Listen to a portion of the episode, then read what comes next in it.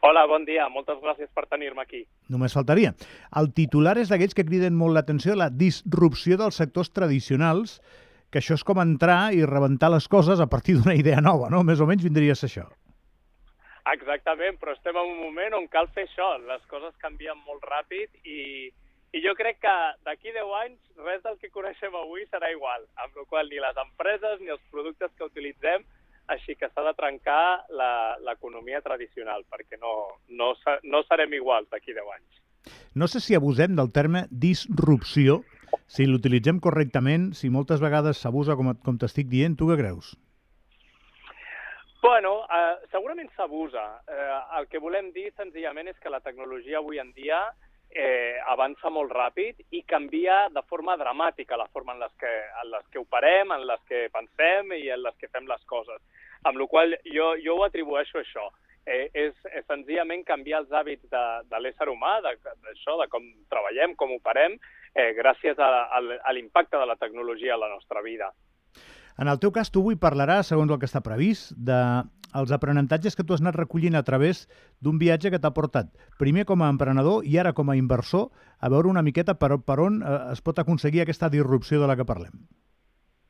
Exacte, la meva història, em presento també una mica, però sóc de Barcelona, molt jove vaig marxar a Suïssa i allà, eh, estudiant, vaig aprendre el que era ser emprenedor, amb un curs d'emprenedoria de, amb un professor que havia estat a, a la Universitat de Stanford, als Estats Units, i em va obrir els ulls a la meca de, de la tecnologia, del Silicon Valley. Així que després de graduar-me vaig marxar cap allà amb una mà al davant i una altra al darrere, que es diu, sense visat, sense visat, sense feina, i em vaig espavilar en un entorn que era nou per mi, eh, senzillament fascinat pel món emprenedor. Jo volia ser un d'ells, no?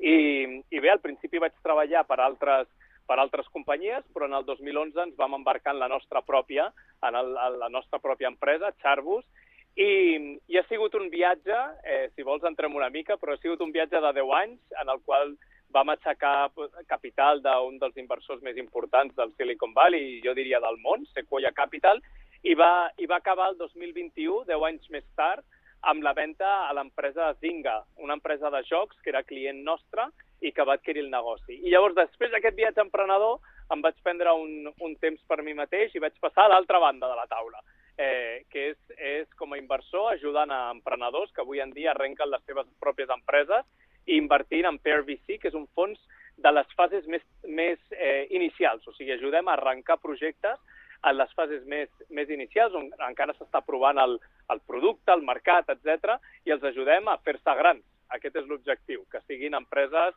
amb un impacte global. Tu ets allò que diuen un angel o no, o no ets un angel? Doncs, eh, bueno, a títol personal puc ser un angel, un angel fa gràcia. Ho dic fa, bé, no? Ho dic bé.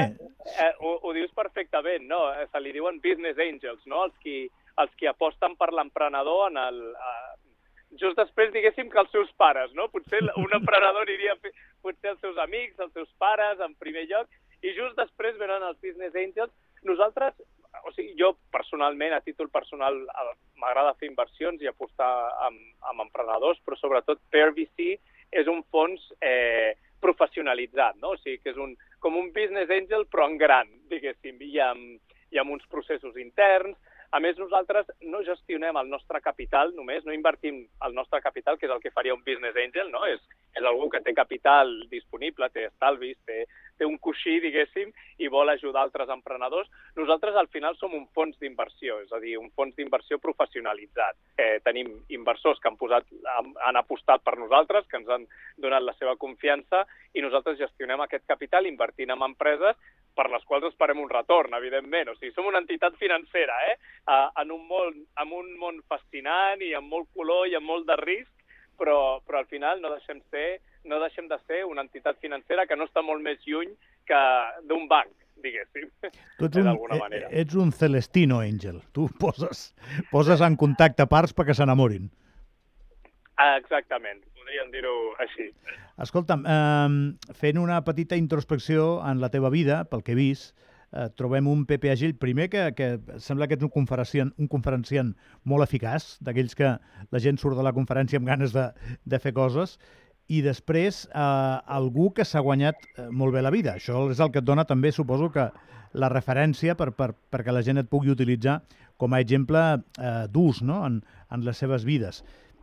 Ets dels que està treballant ja per divertir-se, Pepe? O, i, i, ja està? O et podries permetre retirar-te amb tot el que has guanyat o no? A veure, sense entrar en detalls personals, a mi jo tinc la sort de que faig el que m'agrada i no m'importa treballar-hi moltes hores.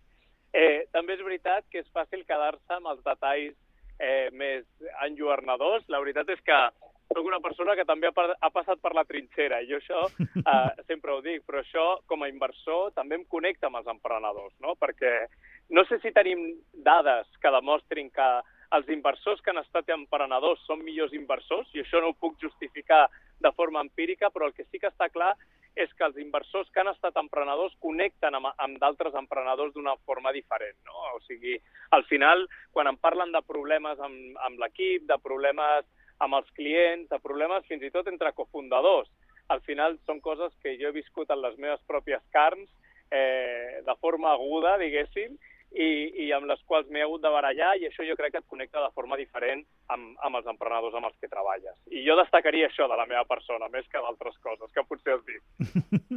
bueno, jo t'ho pregunto perquè a mi m'encanta la meva feina, vinc contentíssim a treballar cada dia, però jo he de treballar per viure. és diferent que algú que, que, que et pot ja permetre's, si volgués, doncs no treballar. Exacte. Bueno, potser sí que estaria en aquesta categoria Eh, el que passa que, que veig l'impacte del que faig i no deixo de, no deixo de treballar eh, ni a les nits quan em demanen els nostres emprenedors que necessiten alguna cosa. No, i a més, això, que sí, això sí que és veritat. Crec que ets un, una persona que s'ha obert camí en l'àmbit del conferenciant. Eh, és dir, no, no és evident. Hi ha gent molt bona en el teu gremi que després no és, no, no és automàtic que tingui una gran capacitat comunicativa o, o d'atracció per, per seduir un, un auditori. No? En aquest cas a tu se't dona molt bé, per això estàs avui a Andorra. I per això t'han convidat Exactament. a pujar. Exactament. Sí, amb moltes ganes de conèixer la, a tots els assistents aquesta tarda. Una, una cosa que et volia preguntar, i, i surto quedant-me en el tema, eh, Pepe? Hi ha alguna sèrie de televisió que de la gent del teu gremi dona una imatge que jo no sé si és molt equivocada, és només caricatura, és només perquè la ficció ens porti a estar atrapats. Billions, que, que ens presenta sí. una gent molt atormentada, en alguns casos sense escrúpols, què penses d'això, tu? I, I estan molt en l'àmbit del capital risc, de la inversió... A veure, eh, evidentment és una sèrie i, i és ficció i se li pot afegir a uh, una salsa no? per, per fer-ho... Uh, al final és entreteniment, no? d'alguna forma. El que sí que és veritat eh, és que el món, al final és, a, és estar molt a prop del món del diner i el món del diner d'una forma molt arriscada. El que vull dir amb això és que és un entorn on et pots trobar milionaris de forma relativament fàcil, però també molta gent arruïnada. I a més la diferència entre estar en un costat o l'altre eh, pot passar de forma ràpida, no? Diguéssim, la, diferent...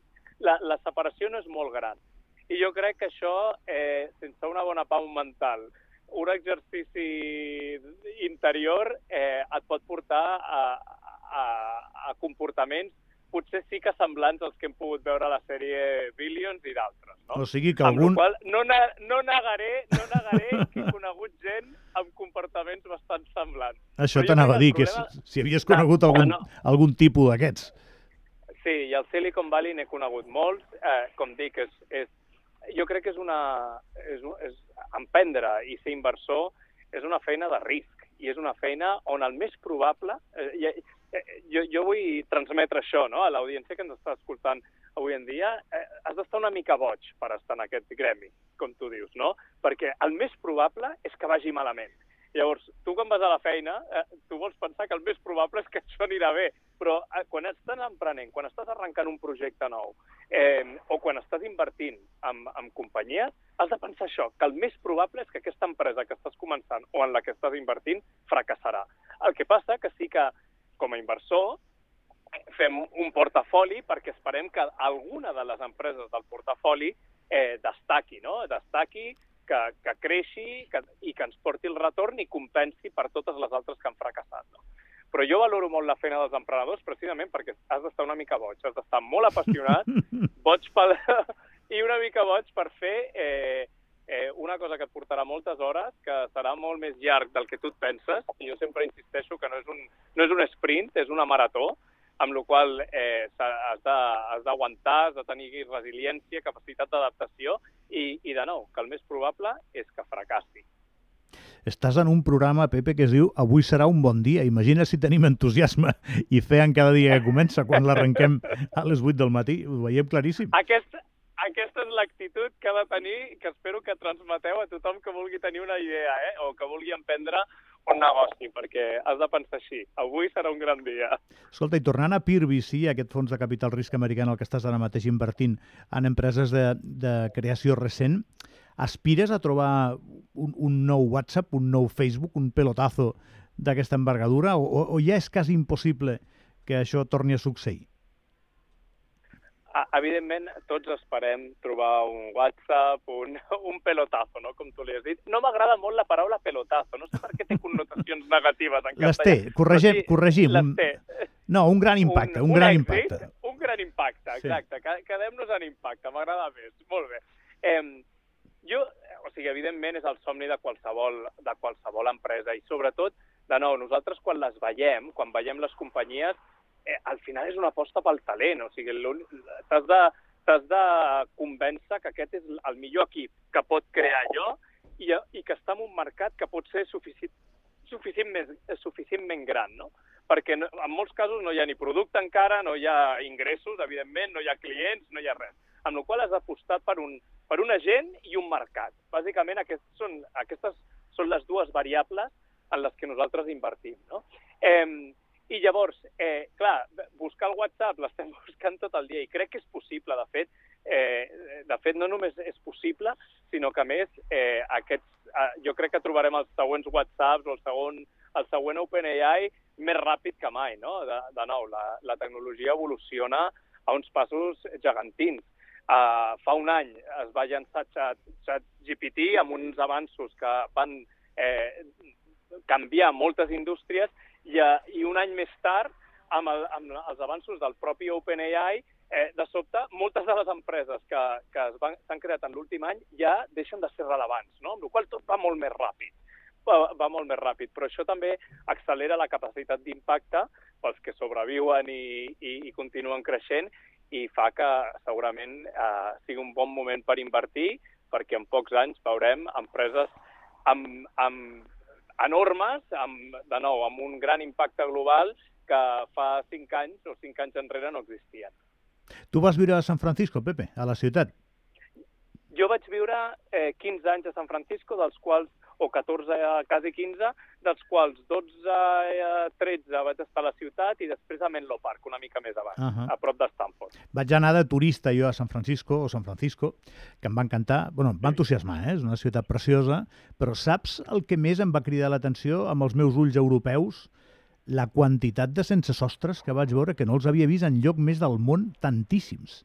Mira que la és ciutat... Una problema... Eh que sí? sí? És una problemàtica de fet, eh, jo ho comparo perquè San Francisco, ja ho vas veure, és una ciutat, a més, molt europea. Sí. Eh, de, mides, de mides europees, té menys d'un milió d'habitants, o sigui, podria ser, ser fins i tot més petita que una Barcelona. Eh, a més, el fet d'estar al mar ens recorda moltes ciutats eh, europees o del Mediterrani, eh, amb molta vida de barri, no? eh, que això també fa que sigui doncs, de qualitat de vida europea, on la gent va caminar al mercat, etc. Però sí que té un problema molt gran de sense sostres, com tu apuntaves. Et diuen, diuen que hi ha diverses raons. Eh? La primera és que l'estat de Califòrnia té un dèficit força gran que va fer que molts centres on gent amb, amb problemes mentals va acabar al carrer eh, perquè no, no els podien acollir i te'ls trobes al, al carrer de San, Francisco, de, de San Francisco. I després hi ha un altre problema, no, no un altre problema, i és que al revés, un, un avantatge, jo crec que per molta gent sense sostre, i és que San Francisco té moltes ajudes, tant a nivell religiós, molts menjadors, centres d'acollida, etc, com a nivell eh, de, la, de la ciutat, eh, de l'administració pública. I això fa que gent de la vora o ciutats, pobles de la vora vagin a San Francisco. Jo he sentit rumors d'altres ciutats fins i tot enviant eh, autobusos cap a San Francisco, que això no sé si és veritat, però ho he sentit, eh, i això fa que sigui, hi hagi una concentració calculen que amb una població de 800.000 habitants que té la ciutat de San Francisco hi ha uns, més de 10.000 persones dormint al carrer, que és un, és un rati enorme. Sí, sí, cri- crida molt l'atenció i després el que vaig pensar és aquí que estem en, en, en el rovell de l'ou de l'avantguarda tecnològica, empresarial, allà on s'estan parint gran quantitat d'idees i, i aquestes idees després es traduiran en grans inversions, clar, quina distància social, no? És, eh, és molt bèstia el Sí. quadre que se't presenta, eh? Perquè al mateix temps la ciutat és molt fantàstica, eh? Sí, sí, però molt polaritzada, com, com has apuntat perfectament. Vinga, no t'entretinc més, Pepe, que t'estic robant molt temps perquè estic a gustito. Llavors, doncs clar, vaig tirant de la, de la conversa. Creant Crèdit Andorrà organitza avui aquesta conferència del cicle Talks que porta per títol la disrupció dels sectors tradicionals. Hem parlat amb Pepe Agell, també intervindrà, com us hem dit abans a la introducció, Sara Werner, i això és avui a les 7 de la tarda a la sala d'actes de l'edifici Creant i les persones interessades, si després d'escoltar aquesta conversa ho esteu, i si teniu lloc, us podeu inscriure prèviament al telèfon. És facilíssim aquest telèfon. Si no se't queda aquest telèfon, és que ets més totxo que jo, eh? 888 888. A més, és el meu número favorit. 888 888. També gràcies. Eh, Pepe Agell, moltíssimes gràcies pel teu temps, eh? que vagi molt bé. Moltes gràcies per tenir-me i ens veiem aquest vespre. Clar que sí, avui a les 7. Gràcies, adeu.